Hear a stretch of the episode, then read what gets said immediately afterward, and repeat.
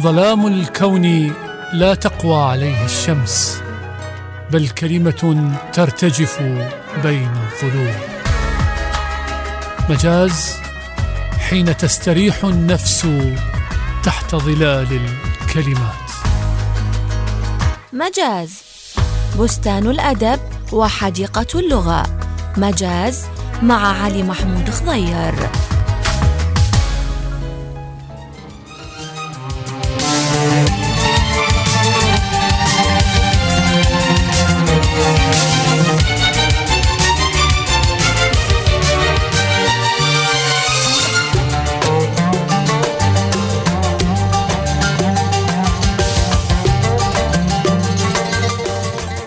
التحية والسلام لكم أحبتي مستمعين الكرام في كل مكان في لقاء جديد وحلقة من برنامج مجاز راديو تايمز سكوير.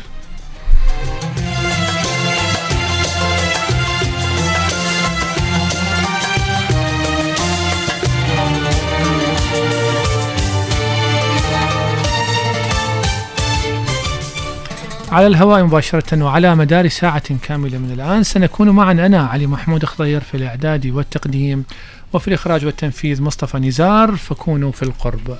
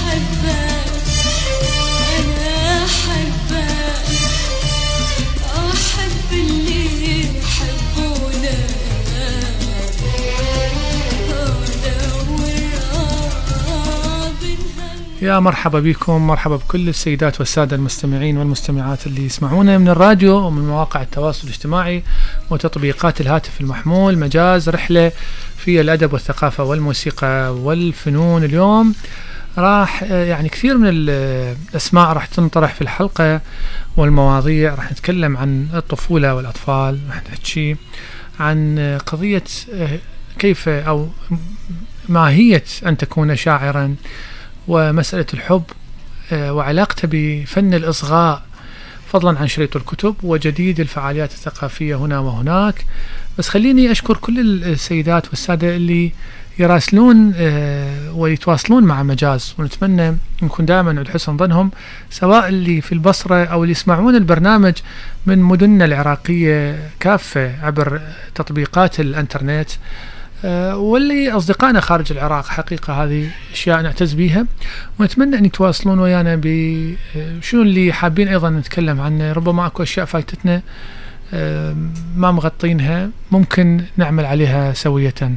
بعد الفاصل أصدقائي راح نتكلم أنه كيف نصغي إلى الآخرين وأثر هذه في علاقاتنا الشخصية عبر مناقشة كتاب فن الإصغاء. للي ولا كل سهرني هد الحال ليلي ولا كل سهرني هد الحال ما أي سيد وشكي والكل وفي غنيت. ما أي سيد وشكي والكل وفي غنيت.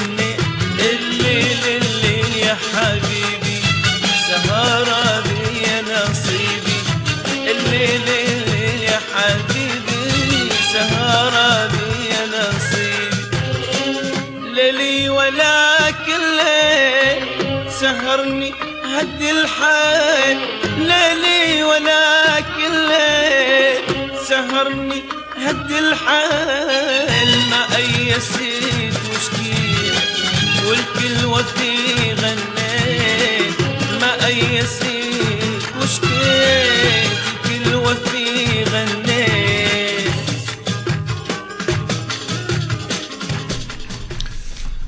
واحدة من أساسيات ال- العلاقة بين الأشخاص واللي إحنا نفتقدها حقيقة بحياتنا اليومية هي مسألة الإصغاء. آه، تشوف إحنا دائما مشاكلنا البسيطة بين الأصدقاء اللي مشاكل الزوج مع زوجته في البيت مرورا إلى مشاكل السياسيين. هي مشكلة إصغاء ما حد يسمع للثاني. كل شخص يريد يقول اللي عنده يعني بدون أن يسمع حتى مقابل الآخر. يعني حتى يمكن قبل البارحة صارت حادثة آه، على الصعيد السياسي أيضا ل- لزعيم سياسي. هي جذرها آه، ثقافي مسألة الإصغاء. كنا يمكن يعني لاحظنا هذا الشيء إنه إحنا وهاي مسألة بالتربية العراقية. يعني الأب سلطة ربوية يعني آه، ربوبية رب الأسرة فيتكلم من دون أن يصغي الآخرين. الأم كذلك. الأخ الكبير. فيظل واحد مسلط على الثاني. ما شاء الله. فطبعا آه هذه المفكرين والمثقفين يقول لك إنه هذه تشوه بالشخصية. واللي الإنسان اللي غير ما يستعد إنه يصغي لا يقول أنا أحب الفلان شخص هذا الفلان أو أعرف آه، المحبة. لأن ركن أساسي من أركان الإنسانية والمحبة أن تصغي إلى الآخر. لأن هاي اولا معناها أنت تتمتع بقدر كبير من التعاطف مع الآخرين. وعندك قدرة على تخيل مشاعرهم وتجاربهم وإحساسهم بهذه التجارب. حتى أنت يعني تلقى لهم حلول هسه تلقى لهم حلول ربما الحلول تكون فقط عن طريق الإصغاء. أكو ناس ما تريد من يمك إنه تلقى لها حل بس إنه تسمع لها. شايفين واحد مثلا من يحكي يقول لك والله أنا هسه من حكيت لك ارتاحيت.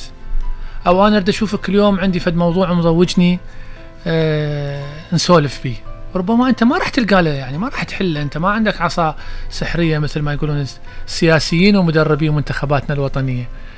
لكن بنفس الوقت أنت بس مجرد تسمع له وأنت باهتمام وعيونك تباوع له وهو يحس بداخله إنه أنت متفرغ له هذا راح يحصل أو يشكل عنده نوع من المواساة.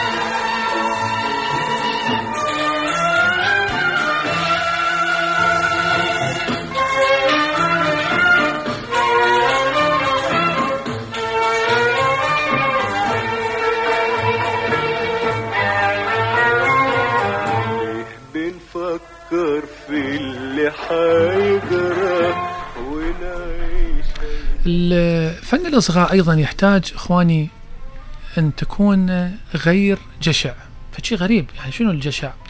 يقول لك هذه ذولي المفكرين حنا أرنت مثلا أو حتى الكتاب هذا اللي راح نناقشه بعد شوية آه، يربط بين ال- ال- الأنانية وبين الجشع وبين قضية الإصغاء. يقول لك الأشخاص اللي ما عنده قدرة إنه يسمع الآخر تلقاه دائما شخص نفسه دنية جشع يريد بالشغلات بس إله اي اي مشكلة مصطفى.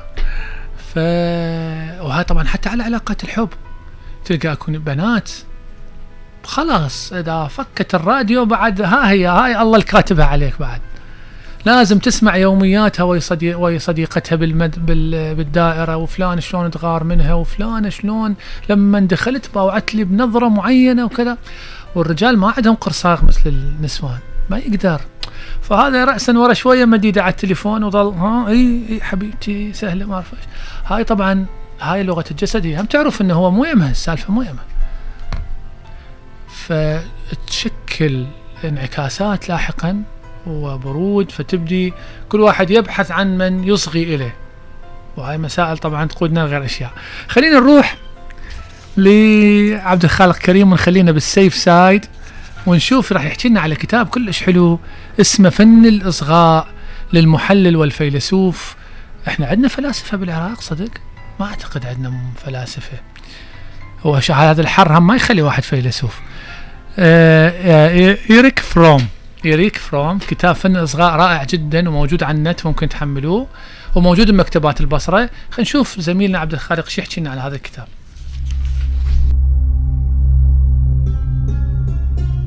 الحب والفهم لا ينفصلان عن بعضهما فهما يمثلان عملية عقلية وانفصالهما يسد الباب أمام الفهم الأساسي.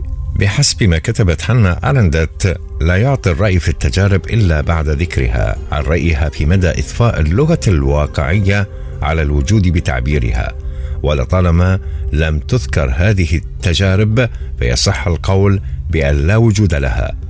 ولكن إن ذكرت التجربة ولم تلقى آذانا صاغية فسيصبح نصف واقعها مبتورا وانسجامها الأساسي مختل التوازن.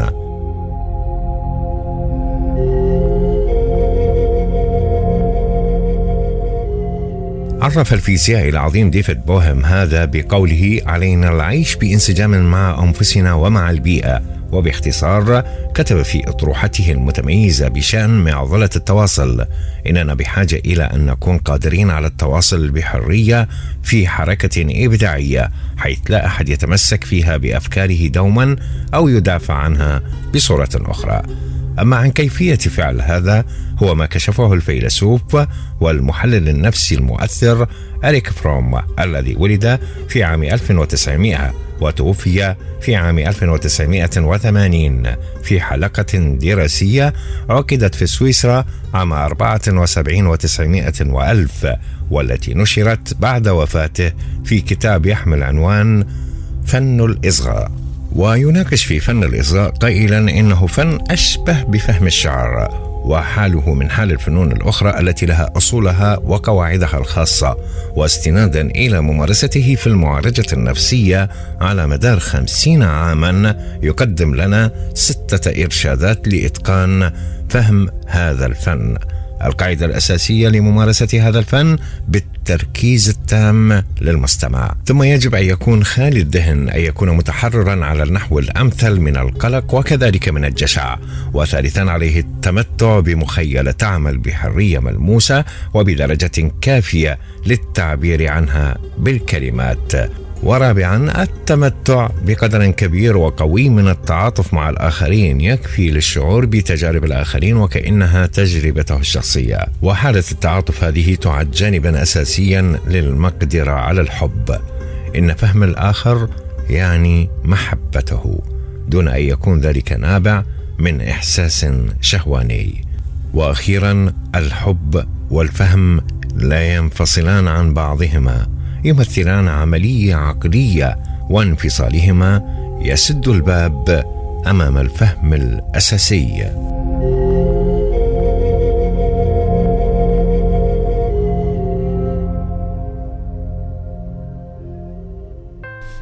إذا أصدقائي مستمرين معكم في مجاز. خليكم ويانا فاصل وراجعين. عني ولا يوم يا حبيبي. بدي اشوفك كل يوم يا حبيبي وما تغيب عني ولا يوم يا حبيبي. وتسلم علي عبكرة وعشية وخبيك بعيني يا حبيبي. بدي أشوفك كل يوم يا حبيبي ما تغيب عني ولا يوم يا حبيبي. وتسلم علي عبكرة وعشي وخبيك بعيني يا حبيبي.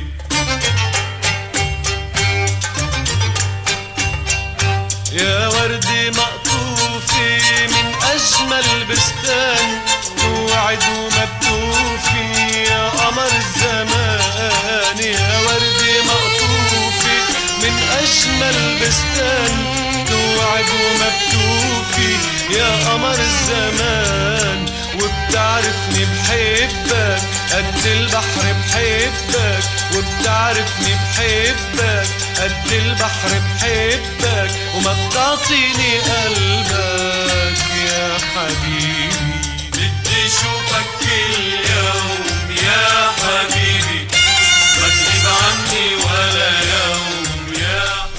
نعم أصدقائي حياكم الله راجعين وياكم في مجاز.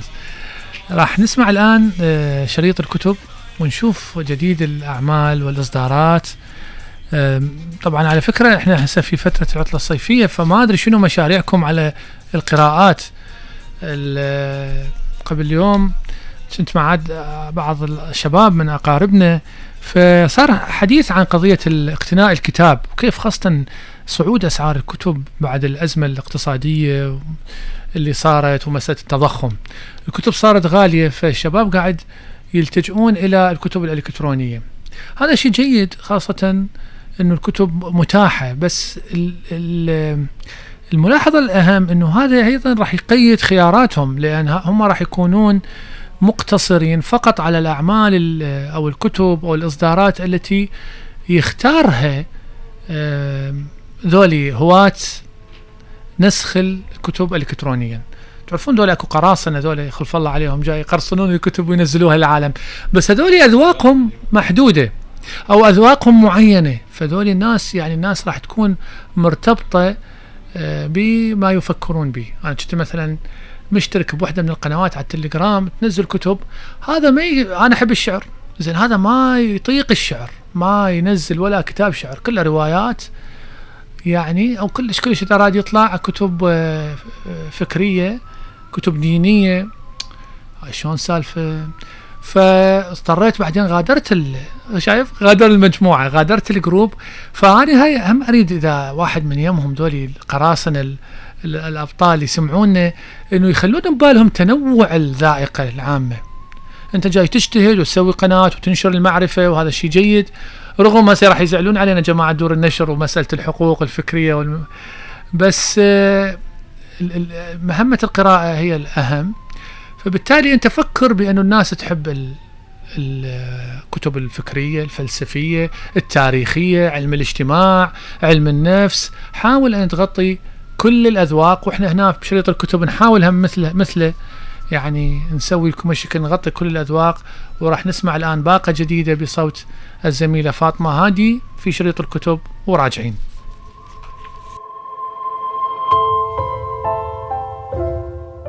هجرة الألبان إلى دمشق في القرن العشرين وإسهامهم في الحياة الثقافية.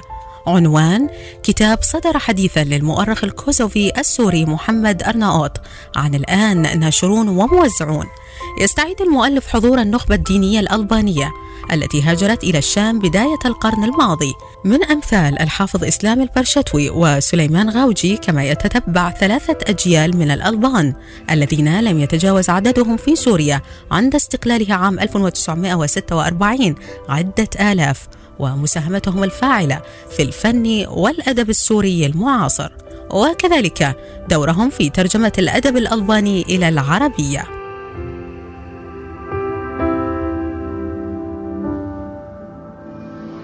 لدى منشورات جاليمار في باريس صدرت حديثا النسخة الفرنسية من كتاب شعرية الصمت. للمفكر والروائي البلجيكي ستيفان هيرتمانس يعود المؤلف إلى واحد من أكثر الأسئلة التي شغلت الكتاب الرومانسيين. ماذا لو كانت الكتابة؟ ومن قبلها الكلام. عثرة في طريقنا للوصول إلى الحياة الحقة. وراء تساؤل كهذا تحضر ثيمة الصمت الحاضرة في تجارب العديد من الرومانسيين الألمان ولاحقيهم. والذين انتهى بعضهم إلى اعتناق هذا الصمت أو الامتناع عن الكتابة. ليست فقط كثيمة فنية بل كأسلوب حياة أكثر فعالية مما يكون للغة أن تقوله.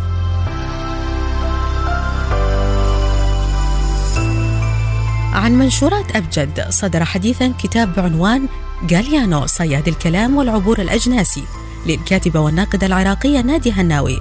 يبحث العمل في نصوص الكاتب الأورغواياني وأهميتها في التطوير الأسلوبي لفن القصة القصيرة عالميا. وترجع الناقد ذلك إلى اهتمامه بالتاريخ وواقعيته الحياتية. بعيدا عن التخيل إضافة إلى اعتنائه بالشكل والتجريب دون الانتقال إلى جنس كتابي آخر.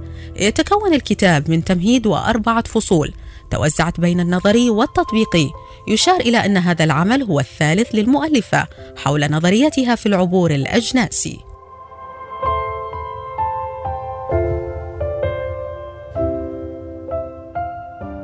تصدر هذه الأيام عن منشورات خطوط وظلال. النسخة العربية من كتاب رسائل عن سيزان للشاعر الألماني راينر ريلكه بترجمة كل من حسام بورقية ومحمد الناجي. يضم العمل مجموعة الرسائل والشذرات التي بعث بها ريلكه من باريس إلى زوجته النحاتة كارلا أثناء إقامة المعرض الأول للرسام الفرنسي. وتقوم هذه النصوص على وصف وتحليلات لأسلوب سيزان ورؤيته الفنية. كما يضمنها ريلكه فلسفته الخاصة حول الفن والطاقة الشعرية الكامنة في الأشياء.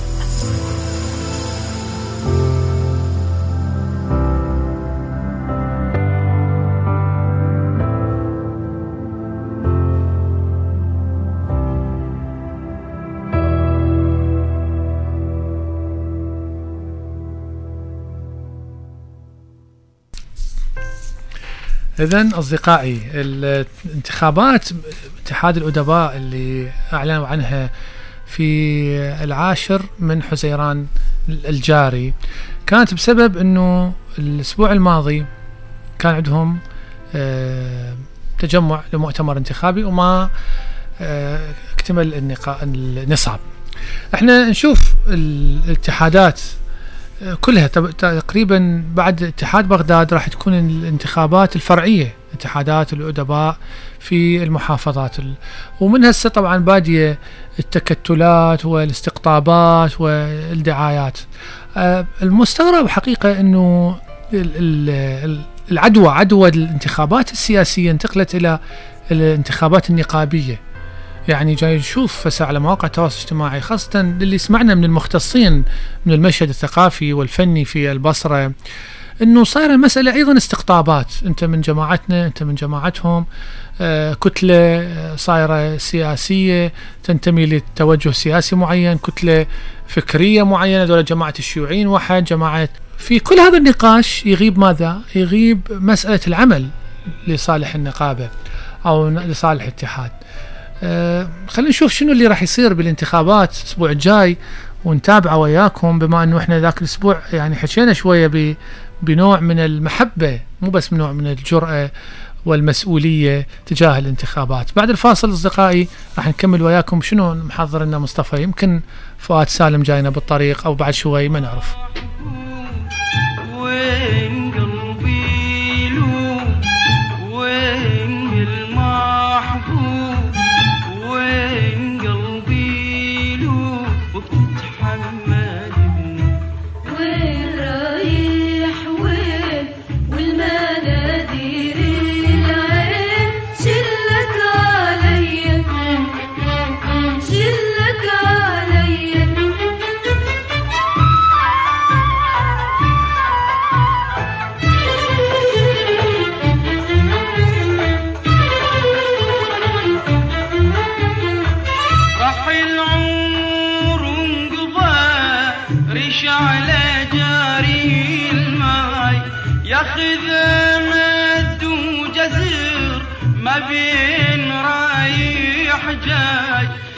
راح العمر وانقضى ريش على جاري الماي. ياخذ مد وجزر ما بين رايح جاي. لا وجهني يا لبطي لا ضاق فرحتي. لا وجهني يا لبطي لا ضاق فرحتي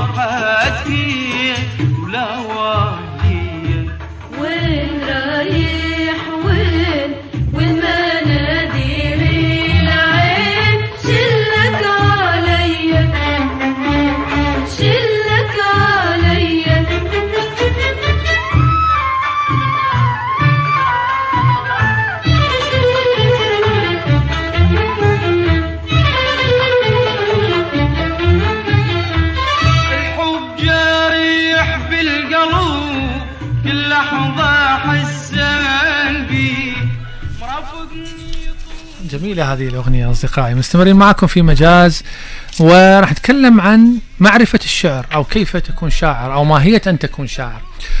آه الناس تعتقد أنه كتابة الشعر هي مسألة تعبير إنشائي. يعني أنه أنا آه متضايق اليوم فأكتب قصيدة آه تعبر عن حزني أو تعبر عن تجربتي الفاشلة في فلان مكان أو تجربتي الناجحة في فلان قضية أو آه في محبة الوطن أو في محبة الأم. ضروري إنه نعرف إنه الشعر كفن ليس تعبيرا فقط. لعد شنو؟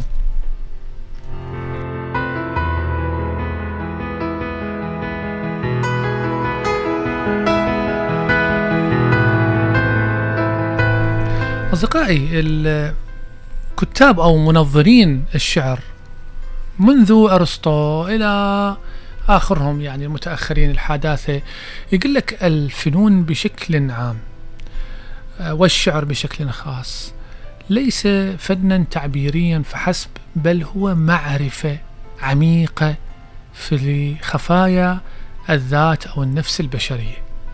بمعنى أنه أنت إذا ما تكون عندك آه، قدرة على استغوار استكناه. هسه هاي مصطلحين شوية صعبات نبسطهن. ما يعني نوع نوع من المعرفة استقراء.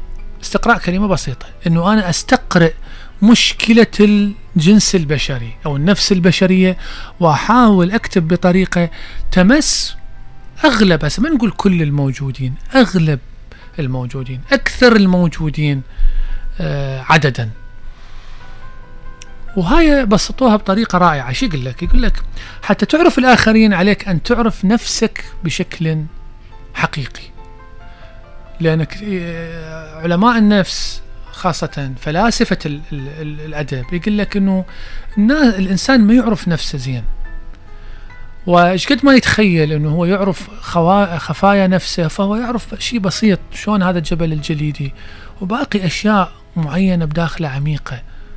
يحتاج إنه ينصت لها جيدا يحتاج أن يكتشفها من خلال القراءة من خلال خبرات الحياة تجارب الحياة من خلال الانفتاح على الآخرين. راح أعرف نفسي وأعرف الآخرين. من خلال أيضا الصدق مع النفس والمصالحة مع النفس. يعني أنا ما أهرب من مشاكلي ما أهرب من أخطائي وعيوبي أواجهها وأكاشفها وأتقبلها.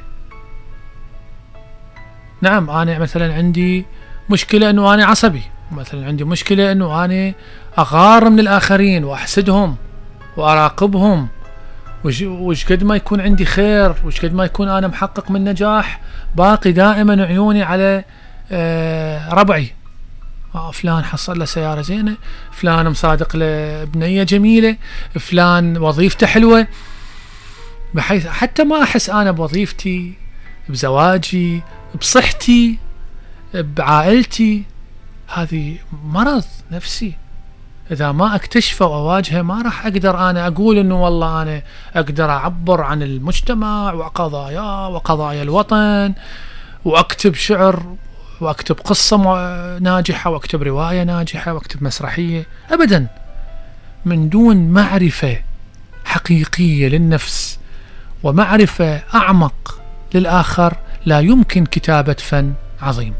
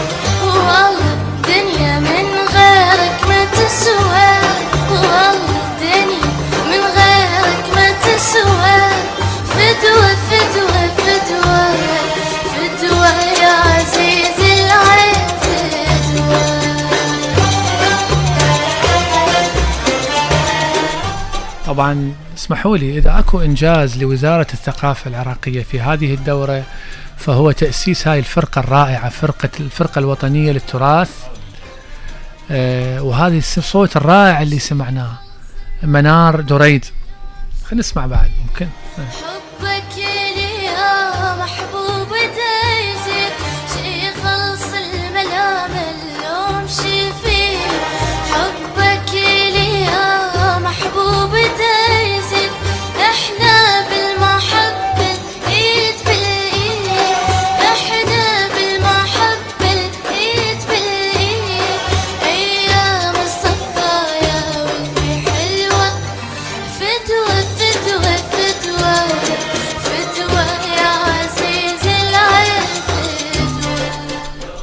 فتوى شوف إحنا طبعا نفتقر تماما لهاي الصوت هذا الصوت ال- البنت هذه الشابة اليافعة منار دريد نوجه لها كل التحية. آه، صوت عراقي يؤدي بهاي الرقة والعذوبة أغنية الفنانة الكبيرة السيدة أمل خضير. تعيد هذا التراث الجميل نقدمه بروح عصرية للجيل الجديد. ننظف الآذان من النشازات اللي غرقنا بيها بالسنوات الأخيرة بالأغاني سيئة الصيت. الحقيقة نحتاج هذه نحت- ونحتاج أنه نعتني بهاي الطاقات ونوفر لها ونوجه تحية أيضا للمايسترو علاء مجيد اللي هو حقيقة له مشوار بديع من فرقة طيور دجلة إلى هسه عودته تركة لل- لل- للغربة وعودته للبلاد وإشرافه على هاي الفرقة اللي نتمنى حقيقة أن تتوسع وأن تعيد أمجاد الغناء العراقي. إذا نرجع لموضوعنا مسألة معرفة الشعر. آه راح نروح إلى زميلتنا العزيزة ش- شهلة محمد اللي راح تتكلم لنا حول هذا الموضوع آه في نص للشاعر الأمريكي كامينز حقيقة كتب نص عن معرفة الشعر وكيف ممكن أن تكون شاعرا من خلال معرفة الآخرين. نسمع صوت شهلة محمد ونرجع لكم. خليكم ويانا في مجاز.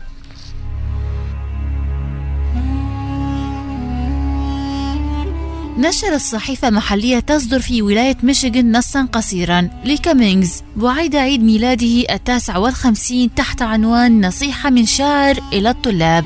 يخاطب فيها أولئك الطامحين في أن يكونوا شعراء. وبطبيعة الحال يتسع المعنى ليضم جميع الفنانين النابهين الذين يمتلكون الشجاعة لحدس الحقيقة الإنسانية. إن الشاعر هو امرؤ يتعمق في المشاعر ويطوعها ليصوغها في كلمات. وعلى الرغم من أن ذلك قد يبدو عملا يسيرا بيد أنه ليس كذلك. فالكثير من الناس يفكر أو يعتقد أو يعرف أنه يشعر إلا أن ذلك كله ليس شعورا في الحقيقة. وقرض الشعر في لبه وصميمه خبرة عميقة بالمشاعر. وما أعنيه أنه ليس معرفة ولا اعتقاد ولا تفكير. وأي إنسان يمكنه أن يتعلم كيف يفكر أو كيف يعتقد أو كيف يعرف. ولكن لا يمكن لأي كان أن يتعلم كيف يشعر. تسائلني لماذا؟ لأنك حين تفكر أو تعتقد أو تعرف تستبطن آراء الآخرين. إلا أنه في اللحظة التي تغمرك بها المشاعر وتكون خبرة ذاتية عميقة فلست أيا سوى نفسك.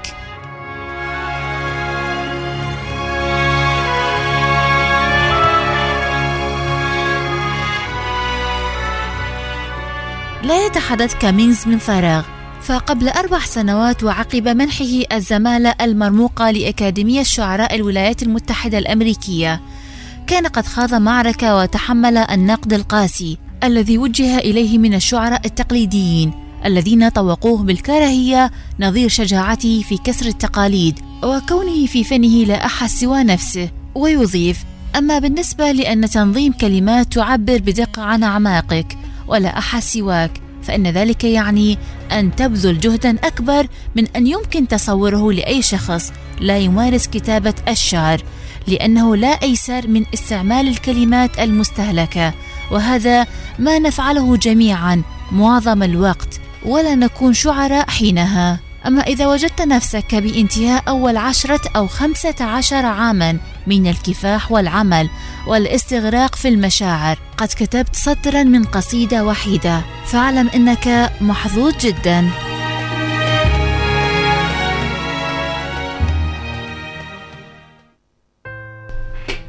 اذا إحنا فعلا ال- ال- اللي ينقصنا حقيقة أيضا على صعيد آخر في ناحية أخرى في أفضل الحالات إنه إحنا تجاربنا العربية أيضا ما عندنا في أدبنا العربي كتابات من هكذا النوع آه عن التفكير في الشعر. اذا استمرين وياكم أصدقائي في مجاز خليكم ويانا فاصل وراجعين. وعرفت طريقها عرفته عرفته عرفته وشقيت على بال ما عرفته عرفته عرفته وعرفت طريقها عرفته عرفته عرفته وشقيت على بال ما عرفته عرفته عرفته وبعدي كلمتين مش أكتر من سطرين. قلت لها ريحين قولي لي أنا فين؟ وبعت كلمتين مش أكتر من سطرين. قلت لها ريحين قولي لي أنا فين؟ وبعت كلمتين مش أكتر من سطرين. قلت لها ريحيني قولي لي أنا فين؟ وجاني الرد. جاني.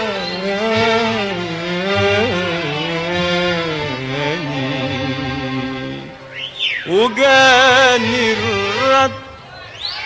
وجاني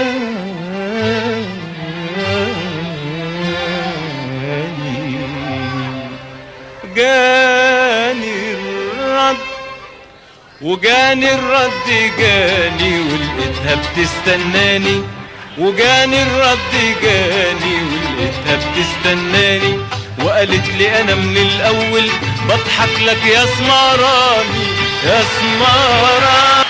وجاني الرد وجاني الشاعر العربي يقول أولادنا أكبادنا تمشي على الأرض. راح نحكي شوية عن قضية الطفولة والأطفال آه، على ضوء مناقشة في كلام لبابلو كاسلاس الملحن والعازف الإسباني.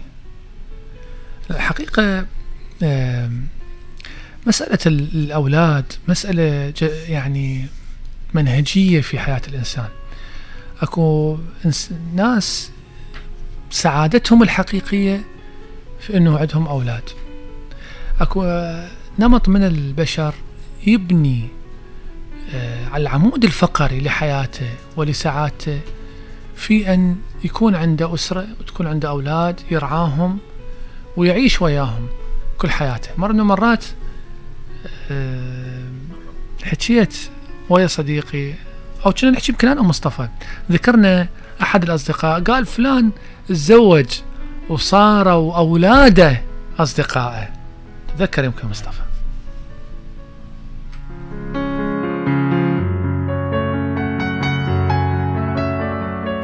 ف إيش قد ما كان مصطفى يتكلم يعني بأسى إنه هو خسر أحد أصدقائه آه، لأنه تحول إلى عائلة. بس في قلب هاي الكلمة آه، شيء جميل إنه الإنسان يصادق آه، أولاده. إحنا هاي نعاني من يمها. أحيانا الناس يجيبون وكأنه معمل يعني مال إنتاج. يجيب ويذب يجيب ويذب بدون أن يفكر إنه يعطيهم تربية يعطيهم من وقته يصادقهم يتعرف عليهم. لأن ال- الطفل ما نريد نقول هاي الكلام الكلاسيكي اللي دائما عجينة بإيدك وتتشكله مثل ما تريد لكن هي بالحقيقة هي الأمور هالشكل. يعني كيف ما تتعامل أنت مع الطفل كيف ما يكون هو انعكاس للتعامل اللي موجود في البيئة اللي عايش بيها. بيئة طيبة حلوة راح تكون أنت نتيجة جيدة. بيئة مهملة راح يواجهك هو أيضا بالإهمال. وباللا اكتراث ويبحث عن وجهة أخرى في حياته. والدلل عليه حبيبي والدلل عليه حياتي هو وروحي بي. حياتي هو وروحي بي. خلانا أدوب بين ايديه بوست إيده وما قبل خلانا دوب بين ايديه بوست روحه وما قبل كله كذب. هذا الزعل قلبي عليه نار اشتعل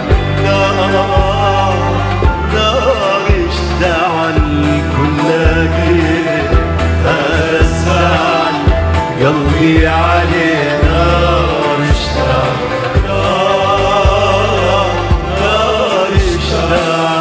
اريد اضمك عليه غزل كل كذب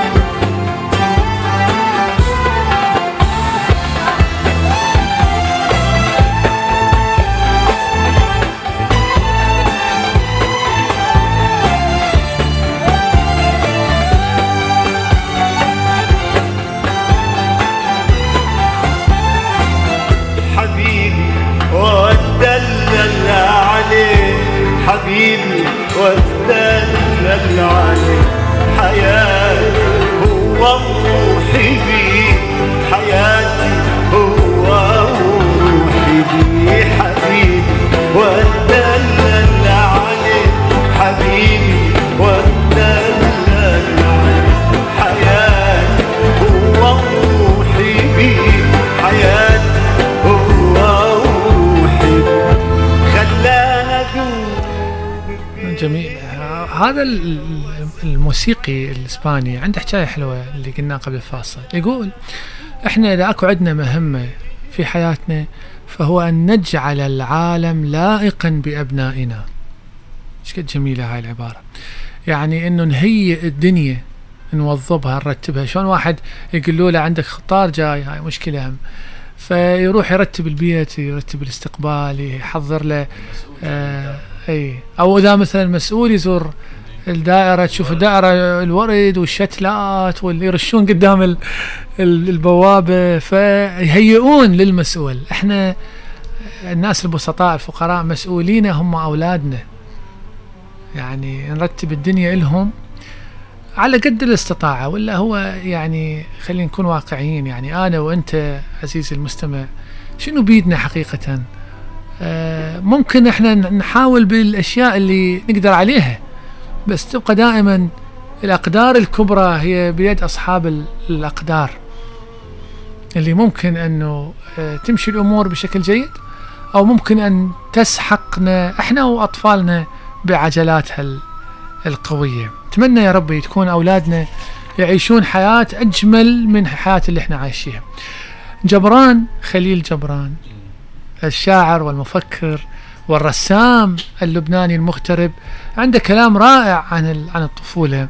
خليني أسمع صوت الزميلة لبنى الفضل في حديث عن رأي الملحن الإسباني وراح نعرج بعدين على جبران. نسمع صوت لبنى الفضل ونرجع لكم في مجاز. خليكم معنا شهد الملحن الإسباني والمدافع عن حقوق الإنسان بابلو كاسالس العديد من الأحداث الكبرى. صنف بابلو كاسالس كعازف التشيلو الأبرز في النصف الأول من القرن العشرين والذي اعتبرت معزوفاته بمثابة حلقة وصل بين العصر الحديث والتاريخ القديم في العزف على التشيلو.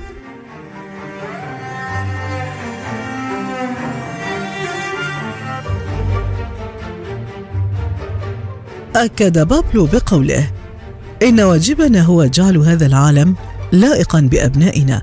نواجه اليوم كبرى التحديات، إذ نجابه اليوم عالما لا يليق بأبنائه، ويدفعنا ذلك لإعادة حساباتنا في أعمق مسائلنا الوجودية. إعادة حساباتنا في قرار إنجاب أطفالنا إلى هذا العالم المضطرب، إذ يدفعنا هذا أن نعيد التفكير في قيمة أبنائنا. وعن مدى التزامنا بمسؤولياتنا تجاههم. أن نتحلى بالشجاعة والالتزام بكامل المسؤولية لحظة اتخاذ قرار إنجابهم. وما تعنيه تربية الطفل على المجد والرفعة.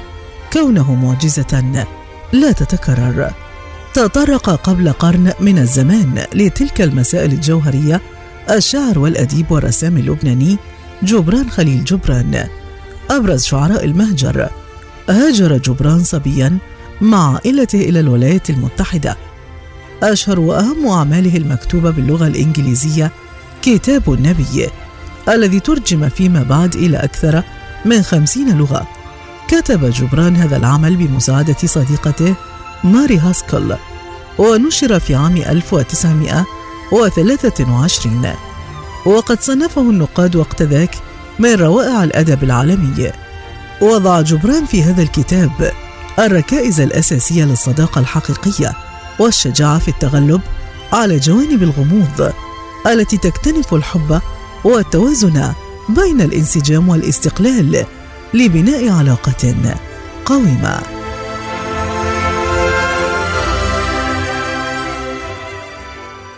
شكرا يا لبنى ويسلم هالصوت وتسلم كل أصوات زميلاتنا اللي طلعوا اليوم ويانا بأصواتهم الرائعة في الحلقة.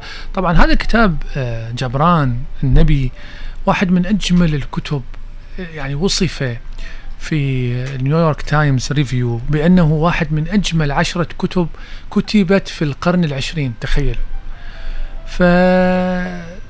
طبعا أنا هسه أتمنى الزميل يعني ما عندنا كاميرا نراويكم هاي.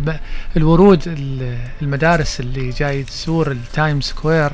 حقيقة ونتمنى لها الموفقية والنجاح الدائم في مشوارها. ونسعد حقيقة إنه يكونون دولي الناس الأطفال مقبلين على حياة. شوفوا سبحان الله حتى توافق ويا هم هؤلاء أطفالنا. على فكرة أكو مقطع جميل للطفولة ولأطفالكم يرد في آه، آه، كتاب جبران وأدتها السيدة فيروز بصوتها الرائع. آه، ما أدري مو- موجود. نعم راح نسمعه مشكورا. مصطفى محضر لنا إياه. خلينا نسمع هذه هذه الطفولة بصوت فيروز وبكلمات جبران. خليكم ويانا.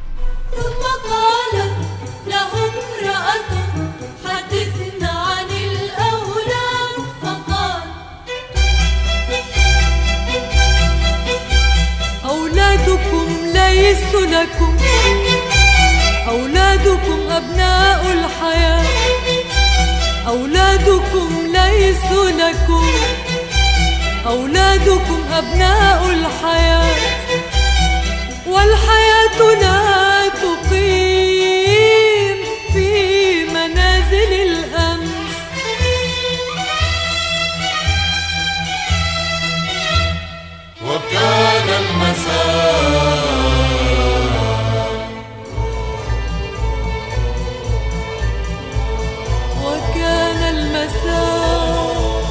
فصعد إلى السفينة وقال وداعا يا أبناء أورفليس أخي والله يعني تاليها يقولون شوية إحنا قساة.